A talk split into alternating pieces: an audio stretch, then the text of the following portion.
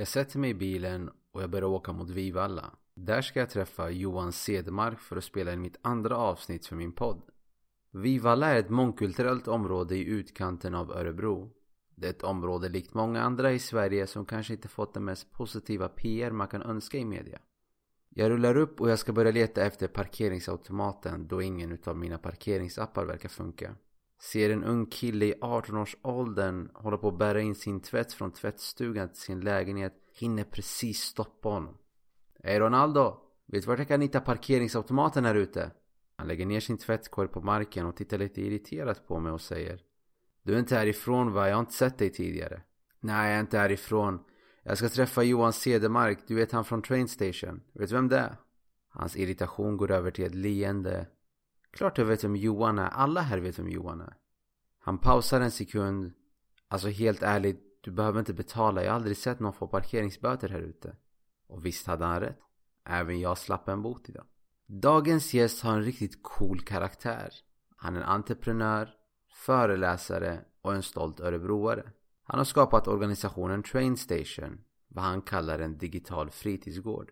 Det är en mötesplats för ungdomar som fokuserar på digital produktion istället för digital konsumtion. Temat för dagens avsnitt är den digitala fritidsgården.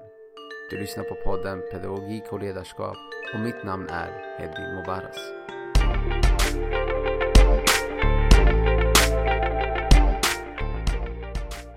Johan Cedermark, entreprenör, föreläsare och örebroare. Det första som slog mig när jag kollade igenom information om dig var du har bott i Örebro väldigt länge. Så en person som är kunnig som dig generellt tenderar att röra sig med storstadsregionen. Så min fråga är, vad är det som har fått dig att stanna i just Örebro? Det korta svaret är egentligen familjen. Vi tog, eh, jag bodde i Norrköping eh, när min fru pluggade där. Eh, och jag har jobbat i London, jag har jobbat i Hongkong och någonstans där så konstaterar vi att det spelar inte så stor roll vart man bor, man kommer ändå resa. Eh, och eh, våra familjer bor i, i Örebro. Eh, och, och både ja, syskon och så också. Och när vi eh, funderar utifrån ett familjeperspektiv så kände vi att eh, ja, men båda två har, ja, jobbar en del och har sådana utbildningar där, där, man kan förväntas jobba en del. Och då finns det en fördel från egentligen både föräldrarnas och barnens perspektiv, eh, alltså våra föräldrar, eh, att bo nära släkt och vänner. Så eh, det var eh, ett ganska medvetet beslut att dra sig till Örebroregionen. Men det måste väl ha lockat? Det finns ju hur mycket arbetsmöjligheter som... Alltså, det finns säkert intressanta företag här med. Men jag tänker från mitt perspektiv, Stockholm blev nästan naturligt att åtminstone gå och testa. Men sen förstår jag ju det här med familjen också. Ja, men, men som sagt, jag, jag har lett projekt över fem världsdelar baserat i Hongkong. Varit med och byggt de första mobila applikationerna i London. Så, eh, ja, varit i USA en del. Jag tycker, alltså jag har jobbat aktivt över Skype i någonstans 15 ja, plus år. Så för mig är geografin ur ett arbetsperspektiv inte så viktig.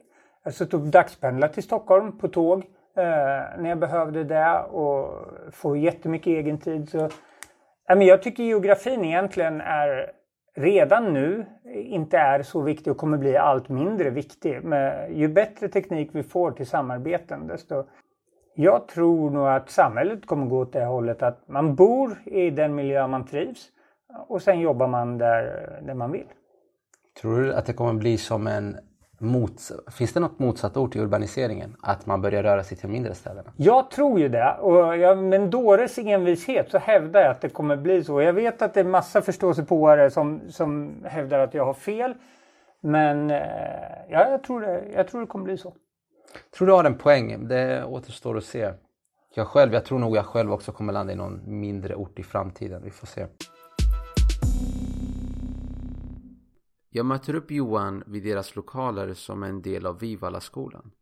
Jag hör svag hiphopmusik i bakgrunden och lite småljus från barn som pysslar. Vad jag har framför mig är cirka 20 barn i mellanstadiet och alla har ett laserfokus. Alla hade någon form av pryl i handen och deras ansiktsuttryck bara skriker koncentration. Som en tidigare mellanstadielärare var jag djupt imponerad över hur fokuserade alla var. Direkt inne i lokalerna börjar några barn ropa på Johan för hjälp. Medan Johan svarar på frågor kollar jag runt i lokalerna. När jag tittar runt blir jag så djupt imponerad. Studio, green screen, avancerad teknik. Allt som dagligen kommer till användning för de här ungdomarna där de skapar saker och ting. När Johan hjälpt klart börjar han visa mig lokalerna och lite av det material Train Station har skapat. Han visar stolt upp den senaste pedagogiska materialen som de själva skapat. Jag blir återigen djupt imponerad över hur pedagogiskt och professionellt allt ser ut. Otroligt väl bearbetat.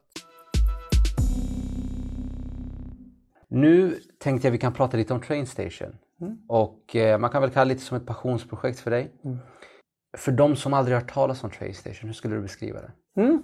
Vi kan säga att vi har parat ihop två stycken koncept. Vi har tagit konceptet av den öppna fritidsgården där alla är välkomna när man vill. Men vi har bytt ut de traditionella pingisbordet, biljardbordet och den utrustningen mot avancerad teknisk utrustning och vi bidrar med ett lärande. Så vi kombinerar ihop den öppna modellen från fritidsgården med skolmodellen lärande. kan vi säga.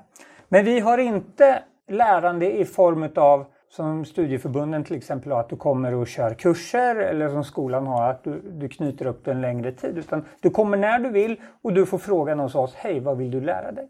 Eller vad vill du göra? Och då kan till exempel svaret tillbaks till oss vara, jag vill göra en låt. Jag har aldrig gjort en låt innan men det skulle vara jättekul att göra en låt. Eller jag vill lära mig programmera eller jag vill göra en app eller jag vill göra en klänning eller jag vill starta en Youtube-kanal. Så vi har skapat egentligen en fysisk plats. Eh, en mötesplats dit man kan komma, lära sig saker som barn och ungdomar idag är väldigt intresserade av. Men vi som vuxengeneration är ganska dålig på coacheromi generellt. Det är få föräldrar som en tisdag kväll när man kommer hem från jobbet och har lagat mat drar igång Photoshop och visar sina barn hur man kan göra reklamdesign. Eller drar igång en kodeditor och lär dem lite Python. Det är för många föräldrar kan inte det. Och skolan har inte heller kommit. De har inte hängt med, absolut inte. Så, så där ser vi en ganska stort hål just nu. Det finns ett jätteintresse för, hos barnen, det ser vi jättetydligt. Men det finns en vuxengeneration som, om man får generalisera, Absolut. inte tar tag i det här. Absolut. Så rent konkret, en ungdom här, är det bara i Vivalla eller är det i hela Örebro? Tanken är hela Örebro. Men vi har haft väldigt, väldigt mycket folk sedan vi öppnade. Så vi har inte marknadsfört oss. Okay. Eh, vi har inte vågat. Vi har varit i princip tre heltidsanställda och första sex månaderna hade vi över 7000 besök. Wow. Så vi har, och då är ju, när man startar en verksamhet så är allt under uppbyggnad. Vi håller på att jobba fram kursmaterial och, och eh, hela det. Allt ska göras samtidigt. Så då måste man Ja, så vi har hållit, försökt hålla en ganska låg profil. Men om vi säger om jag, jag är 13 år och jag kommer till er. Vad, hur vägleder ni den här personen till sitt första projekt? Mm, vi försöker, försöker ställa lite frågor och förstå vad man är intresserad av. Många är intresserade av, många killar idag spelar ju spel även tjejer. Lite olika former av spel. Många är intresserade av design också. Musik är jättestort här i Vivalla. Det finns faktiskt några bra artister som har kommit härifrån. Ja, ja men så är det. Mm. Så då försöker man genom att bara prata med dem försöka fånga vad, vad skulle liksom kunna vara en första kul grej att testa. Mm. Och sen så beroende på hur mycket folk det är i lokalen så försöker vi sätta oss ner med dem och vi har tagit fram eget instegsmaterial som ska vara... Jag såg det, det var faktiskt väldigt imponerande. Ja, men det, vårt löfte lite till en besökare är att du ska på 60 minuter så är tanken att du ska lyckas skapa din första app eller din första klänning eller din första Youtube-kanal eller din första låt. Saker som, som anses som ganska svåra och ouppnåbara för, för folk som inte vet hur man gör. Inte nog med det, alltså man, som en ungdom, man kommer ju från en ett klassrumskultur där saker och ting tar fyra till fem föreläsningar. Sen kanske du får testa på, ah, nu är det dags för ett nytt moment. Mm. Så det blir väl nästan att ni skolar om dem i själva arbetsmomentet också? Ja, så är det ju och, och vi försöker säga det att vi, det vi gör det är vi egentligen att vi har hackat fram ett ganska modernt utbud. Det, det är som, vi säger det att allting vi lär ut kan du tjäna pengar på. Du, du kan få jobb eller på något sätt sälja den kompetensen eh, på annat sätt. På nätet eller så. Allting som vi undervisar i här. Och sen försöker vi ge dem en dröm de ska förstå. Vi säger primärt inte att vi lär ut programmering här. Utan vi säger att vi vill göra en app. Vi undervisar årskurs 3 bland annat på elevens val. Och när jag frågar de barnen så här, har ni en mobiltelefon? Ja, många har en mobiltelefon och alla vet vad det är. Har ni testat appar? Ja, det har de ju också. Alla vet vad appar är idag. Alla, 100% vet vad en app är. Och så frågar jag, vet ni vad en programmerare gör? Nej, det vet de inte. Programmerare, det, det är ett abstrakt begrepp för dem. En programmerare gör appar. Vet ni vad ni ska få göra nu? Nej, nu ska ni få göra appar. Vill ni göra en app? Och sen är det halleluja. Mm. Alltså, och då har vi fångat dem. Och då är det tyst. Vi har lite svensk hiphop på i bakgrunden. Och finns inget spring. De är fastnaglade vid, vid det de ska göra. Mm. Intressant här att ni börjar med det konkreta. Har ni mött något motstånd i er pedagogiska modell? Vi kommer komma till det lite mer eh, detaljerat senare, men har ni mött något motstånd i hur ni arbetar på det här sättet? Menar du med eh, skolan. mot barnen eller? Alltså, alltså rent skolan? pedagogiskt, alltså att skolan har sagt att ah, det är inte så här man gör. Nej, och, och det, det, har vi egentligen inte gjort därför att vi är ju en, vi är ingen skola här. Vi är en fritidsgård. Och vi täcks inte inom någon skollag. Vi behöver inte anställda lärare. Vi har, behöver inte sätta betyg. Vad är det mer man behöver göra? Vi behöver inte följa någon läroplan. Ni tar de goda bitarna från skolan i princip. ja, men och det, mitt perspektiv. Jag jobbade tio år i mediebranschen. I den här ganska turbulenta tiden som har varit nu när internet kommer att förändra hela mediebranschen. Och, ja, ni vet ju vad som hänt i mediebranschen. Och det jag lärde mig, den stora lärdomen från de tio åren, det är att det är otroligt svårt att gå in i en ny tid och förändra befintliga strukturer. För det sitter så mycket i väggarna. Det är jättesvårt att starta en tidning idag utan journalister. På samma sätt kan du inte skapa en skola utan lärare. Det ska vara som det alltid har varit. Så det är en av anledningarna till att jag eh, startade igång och tog den här chansen som dök upp att få driva upp en fritidsgård. Kan vi, kan vi stanna där? Om vi backar bandet lite. Vi sa att det är ditt passionsprojekt. Vad var drivkraften bakom att du startade upp allt det här? För det är inte så självklart det här. Och det, jag kan säga om du hade innan Trainstation, om det inte hade funnits och du hade pitchat den här idén till mig.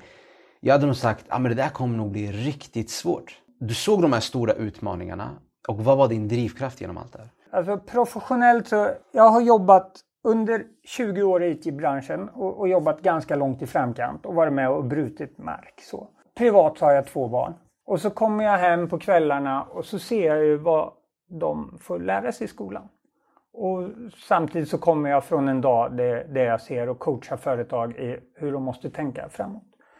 Och här blir det ju, alltså, det blir ju en krasch och jag får ju lite panik. Så, så privat, ute där jag bor, så började, jag har i ganska många år, i 12-13 år, eh, lett ideellt en fritidsgård, en vanlig fritidsgård på fredagarna tillsammans med massa andra föräldrar. Vi var totalt, jag ledde det men vi var totalt 60 föräldrar som hade öppet på fredagar i en liten by utanför Örebro. Men vi märkte att det kom färre och färre barn till oss. För de sitter hemma och kollar på Youtube och de sitter hemma och spelar istället. Och gick inte till den traditionella fritidsgården som vi hade. Så vi var nere på kanske 10 barn. Så, nu är inte det ett jättestort samhälle, det går 100 i skolan. Och då ställde vi oss frågan, är fritidsgården som koncept förbi? Ska vi lägga ner? Vill inte unga träffas längre? Men då sa vi det att nej, men vi testar, internet är ju populärt eh, bland dem. Så vi drog in bredband och så sa vi nu är det här en digital fritidsgård. Och då kom det 50 barn istället för 10. Vi fick en femdubbling utav besöksantalet. Effekten av bredband. Ja, men lite så. Och det som var spännande och kul var att ja, de kom dit och spela och, och så vidare, hängde. Men de gick också ut till rampen och de spelade ping och de spelade biljard. Så det blev en väldigt skön blandning. Och då tog vi egentligen nästa steg. Jag har undervisat mycket också i IT-branschen. Så både programmering och, och, och, grafiska sidan och så. Så då ställde jag mig frågan, för jag såg det både på mina barn och andra, så att det är ganska mycket digital konsumtion bland ungdomar idag. Istället Verkligen. för digital produktion.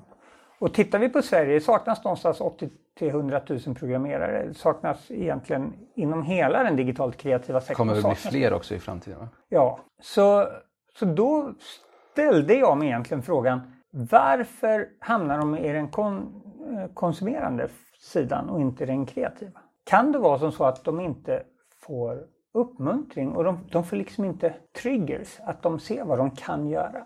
Så då satte vi upp eh, skyltar på skolan och frågade vill du lära dig musikproduktion som Avicii? Vill du lära dig att skapa en egen Youtube-kanal? Vill du lära dig att programmera robotar? Vill du... Ja, och så vidare och så vidare.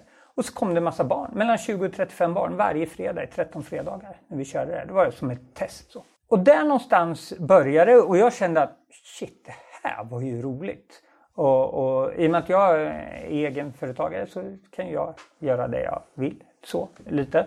Så jag försökte söka pengar för att få göra det här lite professionellt. Men fick inte det först. Men sen efter ett tag. Vad var motiveringen? Vi sökte pengar från Arvsfonden men de tyckte att vi var lite för lika Comtech. Vi var inte så duktiga på att beskriva. Lite för det. abstrakt var det kanske? Ja, ja, det var, väl en lärdom vi gjorde om mm. att söka bidrag. Så. Och sen eh, det vi gjorde det här Mosås, det är ganska litet samhälle, inte många som bor där. Så, så det, ja, det, var väl en helhet som gjorde att just då fanns det inga pengar att satsa på en sån här grej. Sen blev jag uppringd ett par år senare av kommunen och fick frågan, du det här som gjordes i Mosås, tror du det går att göra på ett annat ställe där det finns fler människor, till exempel Vivalla? Absolut, det kan vi titta på, sa jag. Skulle du kunna så... beskriva Vivalla som område för de som inte vet?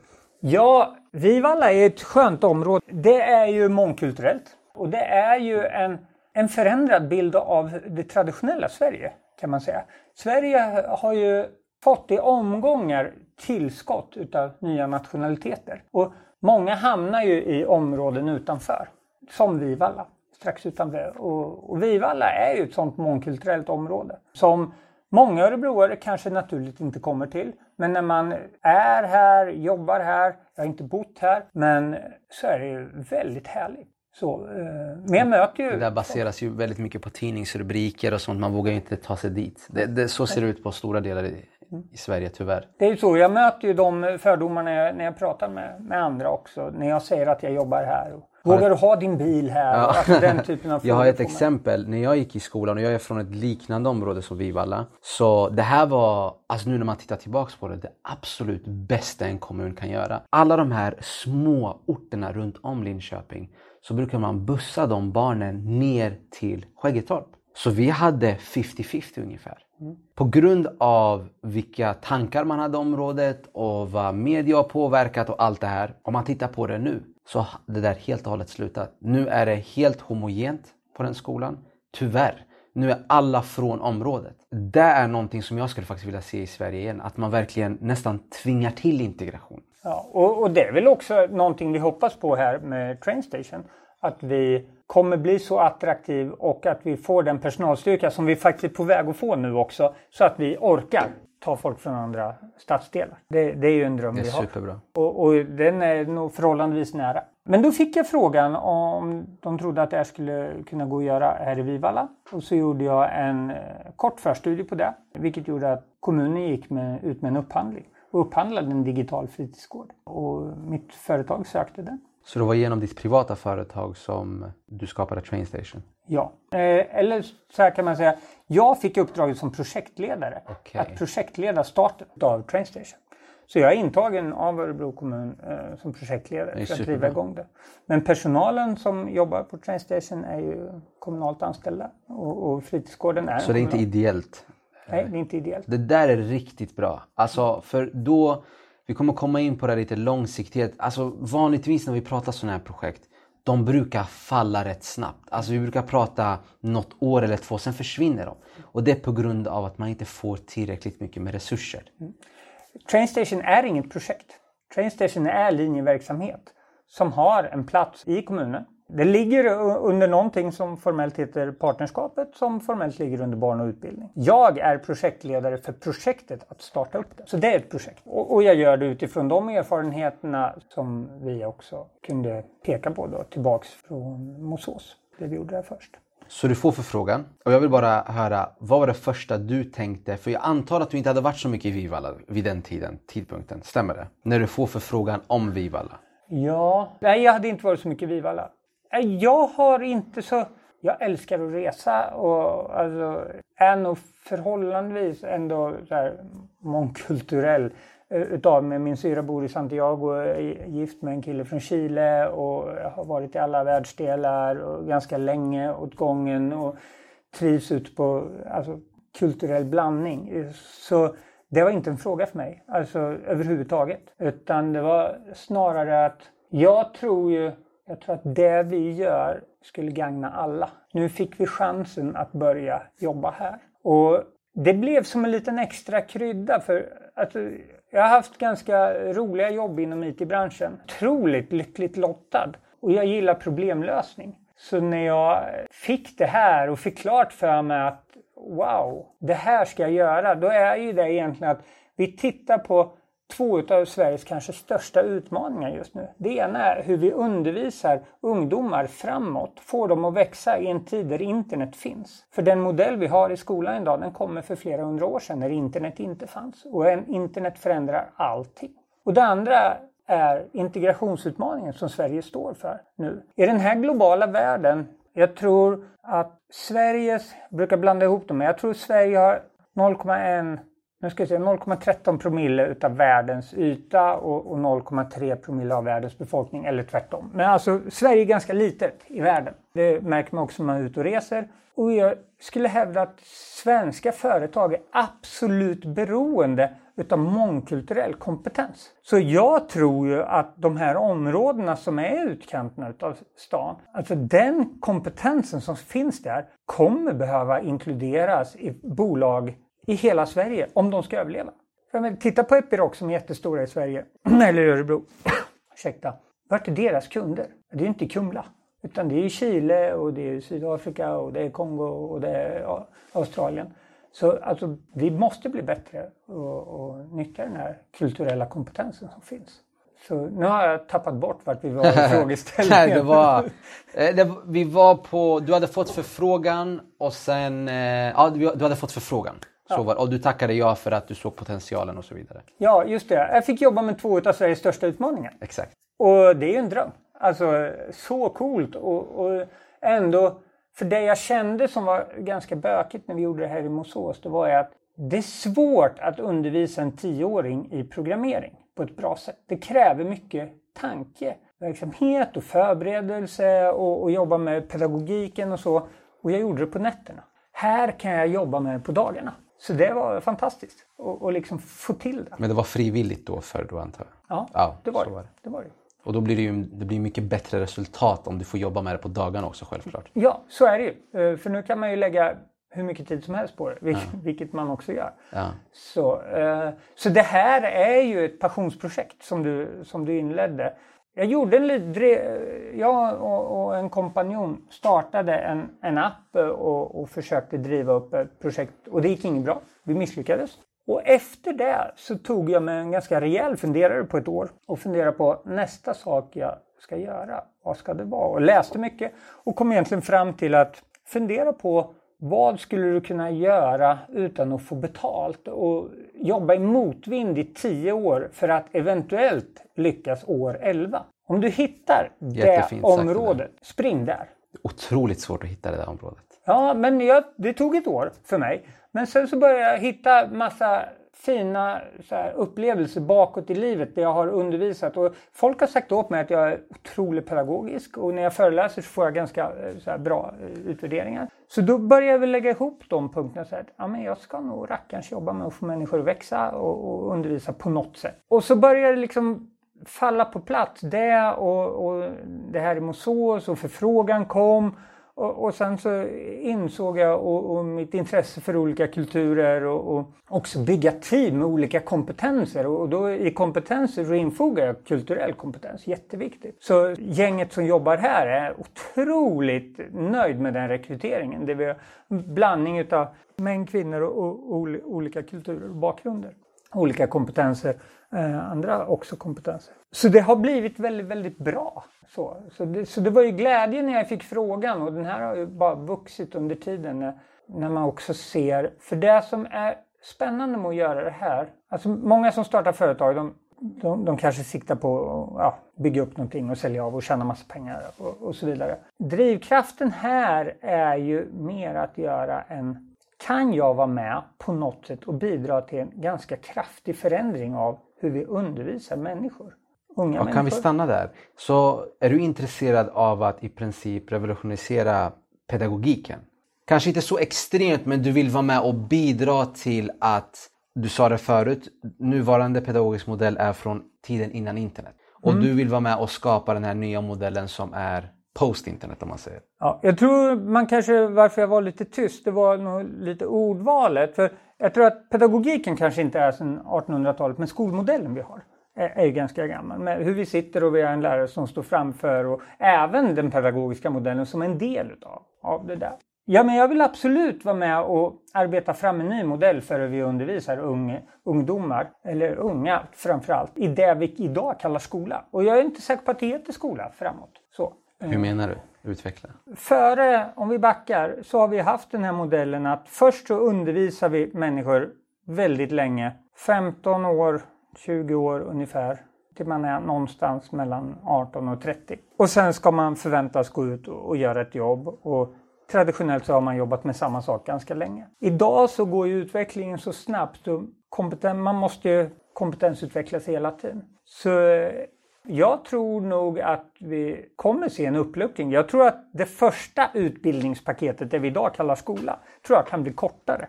För att man snabbare kommer ut på arbetsmarknaden. För utbildning kommer aldrig sluta. Den tiden är förbi. Du måste hela tiden utveckla dig och utbilda dig. Så jag tror vi, vi kommer, kommer se en, en så, förändring. Om jag tolkar det rätt, så man kommer ha som ett, du förutspår att eh, man kommer ha en grundutbildning och den här grundutbildningen kommer förmodligen fokusera på att lära dig att lära. Ja. Och sen att vi har gått ifrån det här systemet att ja, du ska plugga x många år, därefter börjar du jobba och du ska inte lära dig mer i princip utan du, då, då har du det du behöver för resten av livet. Mm. Har jag tolkat det rätt? Ja, för det funkar inte så nu. Nej.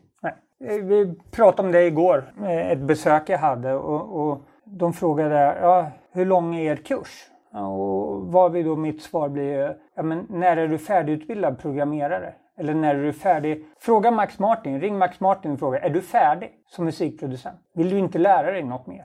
Eller vilken programmerare som helst. Är du färdig? Är kursen slut? Är du färdig programmerare? Det blir man ju aldrig. Alltså det finns ju ingenting idag om man vill överhuvudtaget hänga med i någon sorts utveckling där du är färdig. Det finns en början men det finns inget slut längre. Det är väldigt intressant. Vår uppgift blir ju att fånga och presentera en dröm eh, och visa på vägen hur man kan börja ta sig mot den drömmen. Och vända den yttre motivationen, som mycket skolan bland annat, med betygssystem och, och, och, och läroplaner. Allting det här är yttre, yttre motivation. Det är andra som bestämmer vad du ska lära dig. Vi försöker fråga, vad är du intresserad av? Om du tänker efter, vad skulle du tycka var kul? Vi, vi säger det att när, när, en individ går ur våran dörr, då ska ha lite bättre självförtroende, lite bättre självkänsla och lite bättre förmåga än de hade när de gick in. Och det här med självförtroende och självkänsla är jätteviktigt. För har du aldrig skapat en låt i hela ditt liv och sen kommer du hit och på 60 minuter så känner du att jag har gjort en låt. Jag kanske lagt upp den på Soundcloud. Jag är 10 år. Mm. Det är ingen Spotify-etta. Men man växer 10 centimeter. Verkligen. Gå in till oss sen och titta på ansiktsuttrycken på barnen. För några veckor sedan var det mors dag.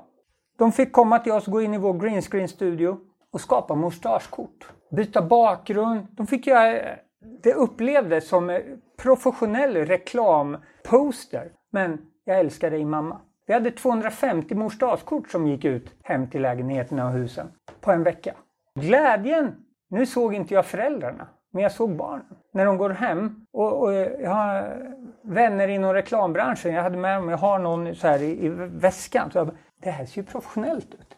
Och det, det är just det, det finns en verktygslåda nu som gör att man kan, om man får guidning i det, göra saker som låter väldigt bra, som ser väldigt bra ut. Tror du svarar på frågan det här med passion och vad som driver dig där direkt? Det är superbra. Jag har läst en hel del på er hemsida. Nu börjar, när jag hör dig prata, nu börjar jag förstå tanken bakom de här. Va? Och ni har en modell ni kallar top-down modellen. Mm. Skulle du kunna beskriva den? Bara? Mm. Och egentligen är det ganska enkelt. Vi försöker, alltså om man ska lära sig någonting som man inte kan så behöver man, tror jag i alla fall, det är min övertygelse, man behöver hitta en tråd eller en gren att haka in i. Vi, vi tar ett exempel. Vi slår upp en högstadiebok och sen ska du lära dig immunförsvaret. Och du har ingen aning om vad immunförsvaret är. Redan där så slappnar hjärnan av. För det är något okänt för mig. Men om vi säger, istället skulle säga att nu ska vi lära oss hur vi kan hålla oss friska. Då fick du en referensram. För du vet hur det är att vara sjuk och du vet hur det är att vara frisk. Och det är roligare att vara frisk än att vara sjuk. Helt plötsligt så har du en krok och börjar fästa kunskapen. Och, och samma sak Eh, vi bara tittar på, ta matten till exempel. Så börjar man med plus och sen så minus och gånger och delat och trigonometri. Så bygger man på ett träd. Men det är egentligen ganska sent som du börjar använda kunskapen. Okej, okay, efter ett antal år så gör du din första budget kanske. Som du faktiskt har nytta för. Eller börjar räkna på hur mycket pengar du kan spara i butiken. Vi försöker vända på det här och hitta saker som, ja men vill du trycka en t-shirt till exempel? Ja, det vill jag göra. För den vet jag, jag kan gå hem med den ikväll. Ja, vad vill du ha för motiv? Ja, jag vill ha en gubbe. Okej, okay. då behöver vi lära dig att göra en gubbe.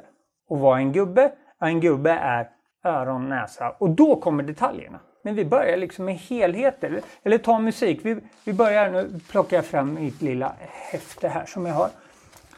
För att göra en låt så behöver man dels fundera på vart låten liksom ska... Det finns massa delar som man behöver för att göra en låt. Du behöver melodier, du behöver rytm som kan bestå av trummor och bas och, och du behöver en harmonik och, och, du behöver arrangera så att du får olika energinivåer. Det finns jättemycket detaljer du behöver för att kunna göra en låt. Och antingen kan man ju då börja med att undervisa detaljerna. Som, ja men nu ska vi spela blockflöjt i tre år. Och sen då har du lärt dig skalor och sen efter det får du spela lite piano så har du lärt dig harmonier och så bygger vi på och sen långt senare så gör du din första låt. Människan är en kreativ varelse och tycker om att skapa saker. Så vi försöker, själva grejen är att vi försöker hitta någonting som folk kan relatera till, som de kan vara intresserade av och sen börjar vi, vi använder den moderna verktygslådan som appar och datorer för att gena fram ett resultat. Den första appen du skapar är en enkel app som du klarar att göra på 60 minuter. Men det är fortfarande en app. Och det är det vi menar med, med top-down. Vi börjar liksom på toppen och sen så fyller vi på. Vi börjar inte med en for-loop som man kanske traditionellt inom programmering så. Utan vi börjar med någonting som man kan relatera till, som är kul och som väcker lust. För vi har ju den utmaningen med ungdomar idag att det är ju så här dopamin-junkies. Som, ja, som, så, man spelar och man är van vid de här snabba belöningarna. Och jag tror att det går liksom inte att säga att vi ska backa det tåget utan vi, vi måste anpassa förhålla oss och anpassa oss till det.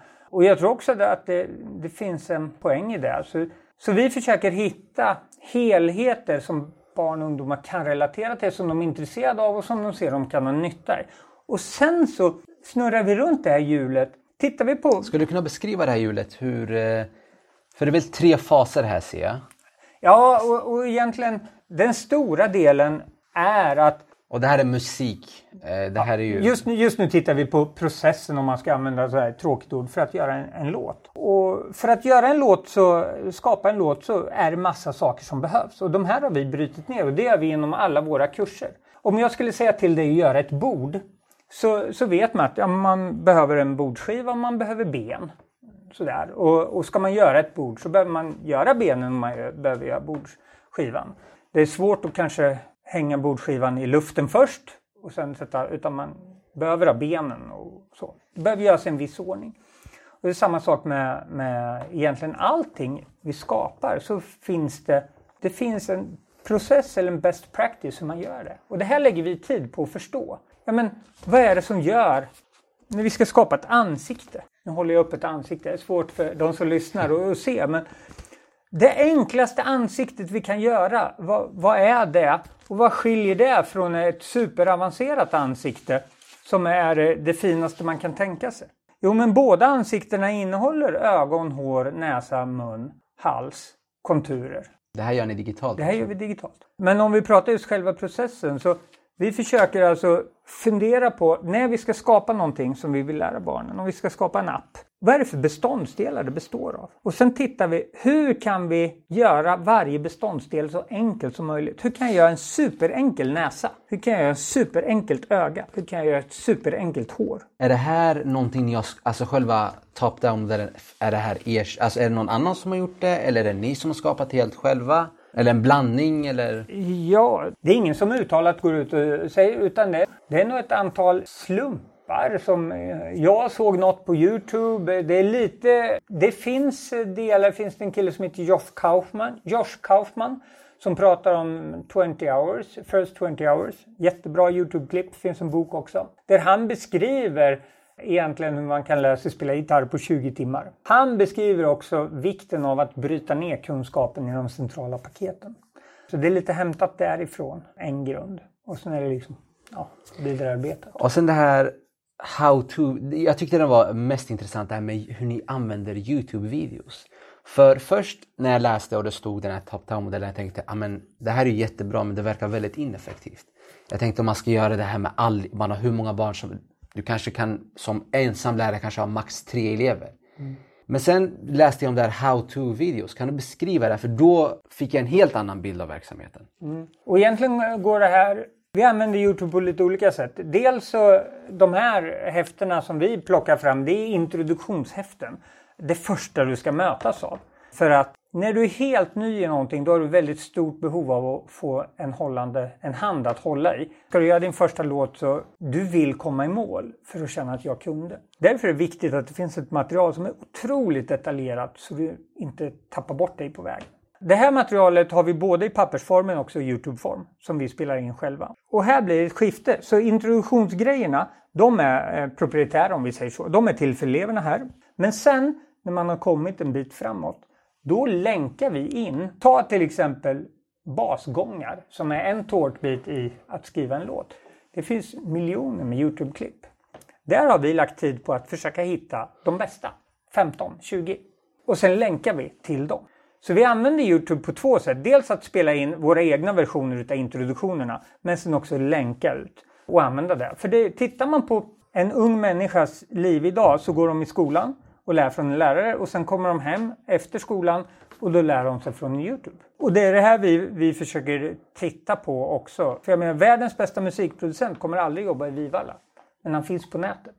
Men det vi kan göra lite bättre, tror vi, lite så här pretentiöst, det är ju att förstå behoven hos en tioåring som inte kan läsa.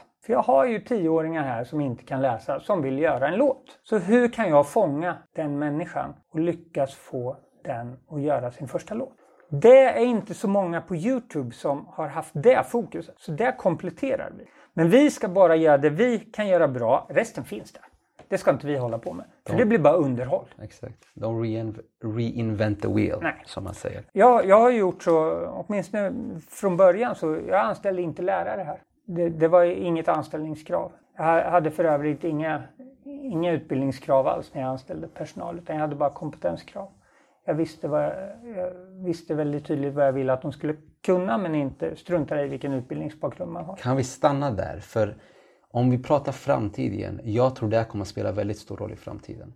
Jag tror inte att de här fancy universiteten kommer vara så lika givande på ett CV. Jag tror det kommer vara just förmågor. Och jag tror du gjorde helt rätt när du rekryterade på det här sättet. Du vill ju samtidigt även ha det här eh, en person som är lika passionerad som dig, delar visionen och den behöver inte nödvändigtvis ha den utbildningen som man egentligen skulle kräva. Nej, och jag vet inte ens vilken utbildning man egentligen skulle kräva. För poängen är, det vi vill skapa här... menar jag. Ja, men det vi vill skapa här är ju, vi vill titta framåt hur vi ska undervisa människor framåt. Om jag hade gått ut och sökt lärare som hade jobbat 20 år i skolan. Då vet ju de hur man undervisar, för de har gjort det i 20 år. Så de kommer ju inte gå hit och fundera på hur undervisar jag, för det vet man. Men när jag tar människor som inte vet hur man undervisar, som inte har undervisat, då blir de osäkra. Och då kommer de titta i ögonen på barnen och se när de lyckas undervisa. Och det är precis det jag vill åstadkomma. Jag vill, jag vill få dem att prova. Vi gör fel hela tiden här. Och det, det är metodiken. Det har vi snott från mjukvaruindustrin. Där kallas det agilt. Vi tar fram en första version, så här, snabbt, inte överarbetat, testar det på barnen se, funkar det? Och just det här, eh, den här eh, människan som, som inte kunde läsa var ett typiskt sånt grej. Jag hade gjort ett jättefint häfte. Och sen provade jag det på sportlovet. Och så sa han, du Johan, jag kan inte läsa det här. För jag kan inte läsa. Jag bara, ja, men då sitter vi och tittar på det här tillsammans. Och sen så gick jag hem på kvällen och sen gjorde jag en ny version som inte krävde att man kunde läsa. Och det är det här som är poängen, att vi försöker anpassa oss efter brukarna. Man går ner på individnivå. Skulle man kunna ha sådana här modeller tror du, i framt alltså Sveriges framtida skola? Ja, men det är det vi siktar på. För nu är det ju väldigt mycket, du var lite inne på det där industrialiseringen och vad som har skapat den här skolan. Nu är det väldigt mycket grupp. Är det någon som inte hänger med, då tough luck. Det är så här, tyvärr, det är inte mycket jag kan göra. Och det är egentligen inte lärarnas fel. Det är ju själva systemet runt omkring. Och det är väldigt synd, speciellt som lärare om man verkligen bryr sig. Att man ser vissa elever som bara faller genom sprickorna, springer, vad, vad man nu säger. Ja, whatever. Ja, jag tror du förstår vad jag menar. Ja. Och jag tror det här är, vi kommer in på nästa fråga och det är visionen. Vad är din vision med det här? Så vi vet vad din drivkraft är med att starta det här. Jag har sett sådana här projekt tidigare. Det krävs väldigt mycket jobb för att komma dit ni har kommit. Det är värt att påpeka. Man märker att ni verkligen har slitit och kämpat för att komma hit. Och ni ska ha all cred. Speciellt när jag ser det här materialet och jag fick möjligheten att gå igenom era lokaler. Man ser att det är väl bearbetat och genomtänkt. Eh, Men vad är er vision? Visionen, och det var väl lite som jag inledde. På något sätt är, det ju, jag ser att, eller jag tror, min övertygelse är att skolan och utbildning, hela utbildningssystemet står inför massiv transformation. Vi har svårt att hitta lärare idag i Sverige. Internet har ändrat hela eh, modellen därför att idag har alla tillgång till all information. Den är inte alltid så lätt att hitta men den finns där. Det är jättesvårt för, för en lärare att, att konkurrera på, med de bästa på internet. Som sagt, den bästa musikproducenten bor inte i Vivalla, men den finns på nätet. Så jag tror, med min, min övertygelse är, är att hela utbildningsindustrin och svenska skolan kommer förändras massivt. Jag har sagt att jag ska jobba 10 till 15 år med att försöka vara med och bidra i den förändringen. Och ta med den erfarenheten jag har från 20 år inom digital förståelse och hela mjukvaruindustrin och internet. Det är det jag har jobbat med och se vad som händer när den kommer.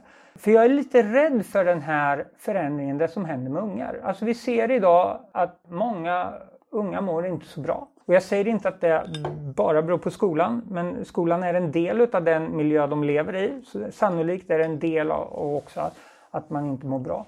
Och de unga är det viktigaste vi har. Så det, det är de som bygger framåt. Så jag vill vara med och bidra och sen får vi se hur det... Jag, jag egentligen kastade mig bara ut och sa att nu, vi kör åt det här hållet och jag ska ha en uthållighet på 10 till 15 år. Och sen så börjar vi med ett steg i taget. Vi börjar med ett barn i taget och så ser vi vart vi hamnar. Och vi hittade lite pengar så vi fick upp det här. Och, och nu har vi eh, sökt pengar från Vinnova i social innovation och så fick vi 3 miljoner därifrån. Så nu har vi fått pengar för att ta in eh, lite fler människor som kan hjälpa oss att paketera det här. Så en förhoppning jag har det är ju att vi kanske öppnar fler Trainstations. På, vi har haft flera kommuner faktiskt, fyra stycken som har varit här och visat intresse. Nu så pratar vi också, vi, vi samarbetar lite med skolan på elevens val. För, för de såg att vi lyckas fånga en del elever som de själva kanske inte eh, fångar helt. Så, så då har vi samarbetat här nu i ett år runt elevens val.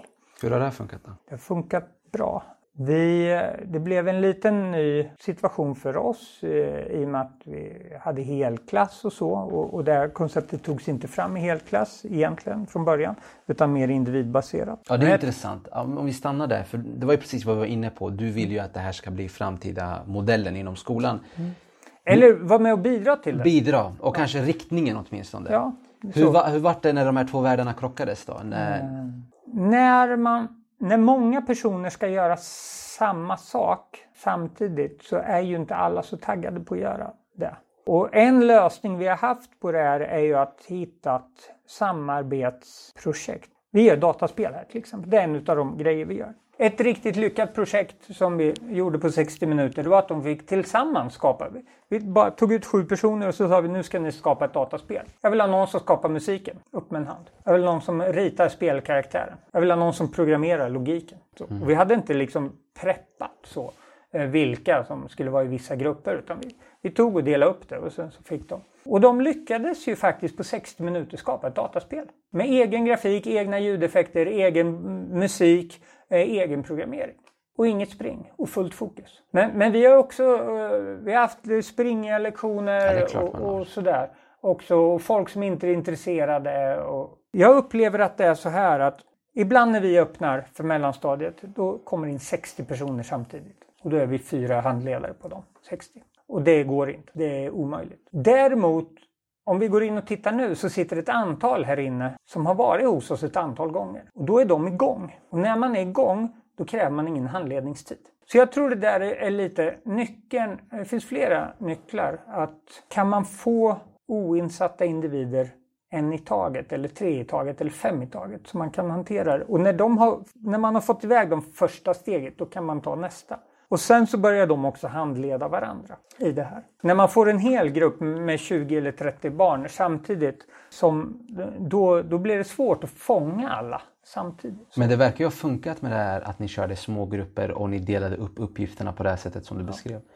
Och när jag pratade... För då fick de välja. Också. Exakt. Det och, fanns ett val. Och sen blir det någon form av gruppdynamik också. Vi alla kämpar mot ett gemensamt mål. Jag har det här ansvaret, du har det här ansvaret. Den här mobildebatten är ju het i mm. Sverige. Mm. Jag jobbar på en mobilsfri skola. Inte alltid det har hållits. Det är så här, vissa är man lite friare med än andra. Vad är dina tankar kring det här? Ska man ha en mobilfri skola eller inte? Mm. Jag tycker vi måste höja perspektivet och inte bara diskutera just den detaljfrågan. Social media är en utmaning. Det finns rapporter som säger att produktiviteten i världen har sänkts sedan social media kom. Det finns också rapporter som börjar tyda på att eh, ja, men det, det, kan bygga in konflikter när vi, beroende på hur mycket insikt vi har i olika människors liv. Vi vuxna har svårt att hantera våra mobiltelefoner. De pockar på uppmärksamhet, vi störs, vi tappar fokus, vi åker ur vår koncentration. Vi behöver för det första jobba med det, lära oss strategier för det. Och sen så kommer jag tillbaks till där vi var för någon halvtimme sedan. Att det är vi i vuxenvärlden som måste guida våra barn in i den här digitala verkligheten. Om det så är vilket arbete man ska eller hur man ska känna sitt uppehälle och vad man är passionerad av och, och, hur man ska lära sig och vilka möjligheter man har och vad man ska vara intresserad av. Men också hur man ska hantera tekniken. Och vad som är nyttigt för en och vad som inte är nyttigt för en. Och jag är ganska irriterad på den här skärmtidsdebatten som finns. Där många skyddar sig bara i att säga ja, skärmtid, si och så, minuter och så vidare. Det går inte att göra det så enkelt. Alltså tittar vi en skärm, ja men skärmar har vi haft länge, vi har haft det i tv och så vidare. Man kan dela upp det på många olika sätt. Ett sätt att se, är det kreativt arbete eller konsumerande? Är det passivt? Är det aktivt? Virtual reality, rör du dig medan du har skärmtid? Att bara säga skärmtid eh, två timmar om dagen, det är för att förenkla. Och samma sak tycker jag att bara införa mobilförbud i skolan, det är att förenkla. Jag tycker det centrala, det vi måste lära våra barn och ungdomar, är ju att hantera situationen. Och att förbjuda den är ju inte att hantera den. Sen har inte jag valt att fundera på hur man skulle... Om uppgiften var till mig att säga, ja men vi har inte förbjudit mobiler här. Vi kan gå in efteråt och så kan du kolla hur stort problem är det in hos oss att de får ha sina privata mobiler. Jag lovar att det är ingen som sitter med dem. För vi har så sjukt intressanta grejer som de kan göra som de inte kan göra på sina mobiler bara. Så de tar inte upp mobilerna för det är inte intressant. Jag tror inte du kommer få mig att säga så här, mobilförbud eller inte mobilförbud. Utan... Men jag håller med att den här debatten är förenklad. Det... Jag håller helt med. Det, det handlar om att öppna ögonen och få eleverna att förstå precis som du säger, vilka effekter har mobilanvändande för mig? Mm. Och hur kan jag använda den här informationen för att utveckla mig själv? Mm. Om man inte, och det, kommer tillbaka, det faller tillbaka på ansvarstagande. Mm. Så då lägger du ansvaret på eleven. Vet du vad? Nu vet du vad effekterna är. Nu får du faktiskt lära dig lite ansvar och ta beslutet själv. Om du vill att det här ska vara ett störmoment i ditt liv, fine, det är något du kommer ångra sen. Men det får vara en läxa du får lära dig faktiskt.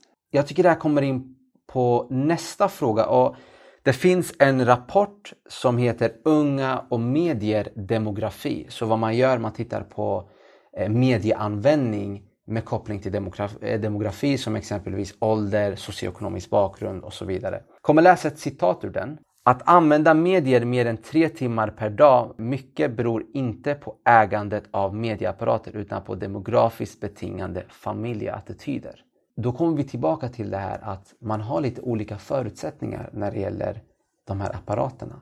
Hur kan vi som samhälle jämna ut det här så att vi är på samma spelplan? Och vad kan Trainstation hjälpa till med att informera de vuxna i området? Jag tror ju, vi pratade, vi pratade vad, vad skola är och, och, jag tror att skolan kommer förändras. Jag tror att det är jätteviktigt att vi har ett grundpaket som kanske börjar när du är sju år, sex, sju år och som kanske pågår ett antal år. Och jag är inte alls säker på att det ska innehålla det, det som vi har idag. Det vi betonar svenska, matte och så, och så vidare. Men det kan vara ett helt annat poddavsnitt vad, vad det skulle kunna innehålla. Men jag tror att det finns vissa centrala delar, kommunikation till exempel, det är ett otroligt viktigt område som leder till väldigt stora skillnader. Om du lyckas eller om du inte lyckas beroende på hur du kommunicerar. Och jag tror att det, det här grundpaketet skulle man behöva mejsla ut så att de ojämlikheter som finns i samhället tas tillvara på på en tidig nivå. Och där är förutsättningar till kommunikation en sån. Och det kan vara en sak som alltså, hantera sin mobiltelefon eller om, om vi egentligen om vi backar eh, upp en nivå från att hantera sin mobiltelefon. Det handlar egentligen om att vara medveten om drivkrafter och, och signalsubstanser och, och vad man luras in i. På samma sätt som spelberoende och, och andra saker också. Att, att lära sig förstå sina egna fallgropar och brister. Där bör ju finnas med som, som ett grundpaket kan jag tycka. För det, det, kan vara väldigt styrande för hur det går för dig eh, i livet sen. Så, så ja, jag tror det finns ett antal saker som idag inte ligger med i grundpaketet, som borde ligga med i grundpaketet. Som, som har blivit aktuellt tack vare att vi lever i den tekniska värld vi, vi lever i. Mm. Kommer Trainstation expandera sin verksamhet i det, på det sättet att man kanske kommer rikta sig till vuxna också i framtiden? Ja, redan idag har vi, vi har ingen formell övre eh, gräns. Vi har pratat om 10 till 30. Men kommer någon 45-åring så, så är de välkomna. Vi har några eh, spännande projekt på gång under hösten där vi bland annat samarbetar med Maskinentreprenörerna. Vi är på väg att få in en grävmaskinsimulator här och, och där man ska kunna prova på roliga grejer som, som också kan leda direkt till jobb eller in i, i praktik eller vidare, vidare skola. Och vi har ett samarbete med två byggbolag, Peab och BIC här när vi bygger vårt makerspace. Och båda de här satsningarna kommer leda till också att vi kommer att ha vuxennärvaro på plats som jag tror också kommer locka många vuxna.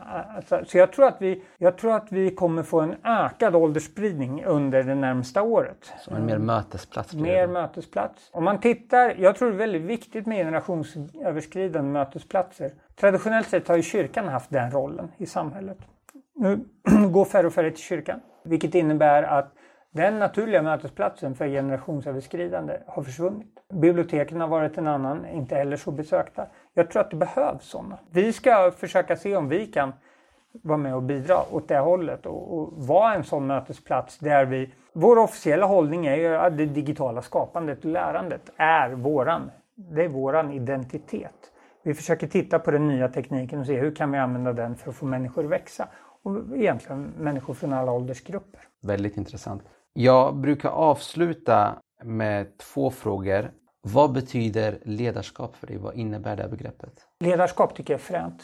Egentligen är det, jag tycker, och, och för mig går pedagogik eller lärande och växande och ledarskap, det, det, liksom, det klumpas ihop. Och, och för mig handlar ledarskap om att mejsla ut någon sorts bild av vart vi ska. Och försöka hitta ett team med kompletterande kompetenser som har drivkraft att ta sig till samma ställe och sen undanröja alla hinder för att man når målet. Och vad innebär pedagogik? Och det här är en sån här akademisk term som jag inte har en aning om vad den egentligen betyder.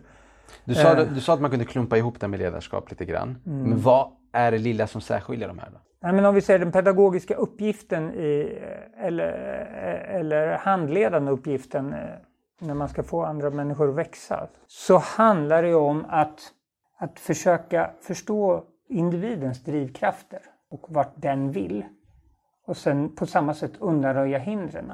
Och hinder i en utbildningssituation är ju att man inte kanske har förståelsen som man borde ha. Och, och då är det ju det hindret som, som ska undanröjas.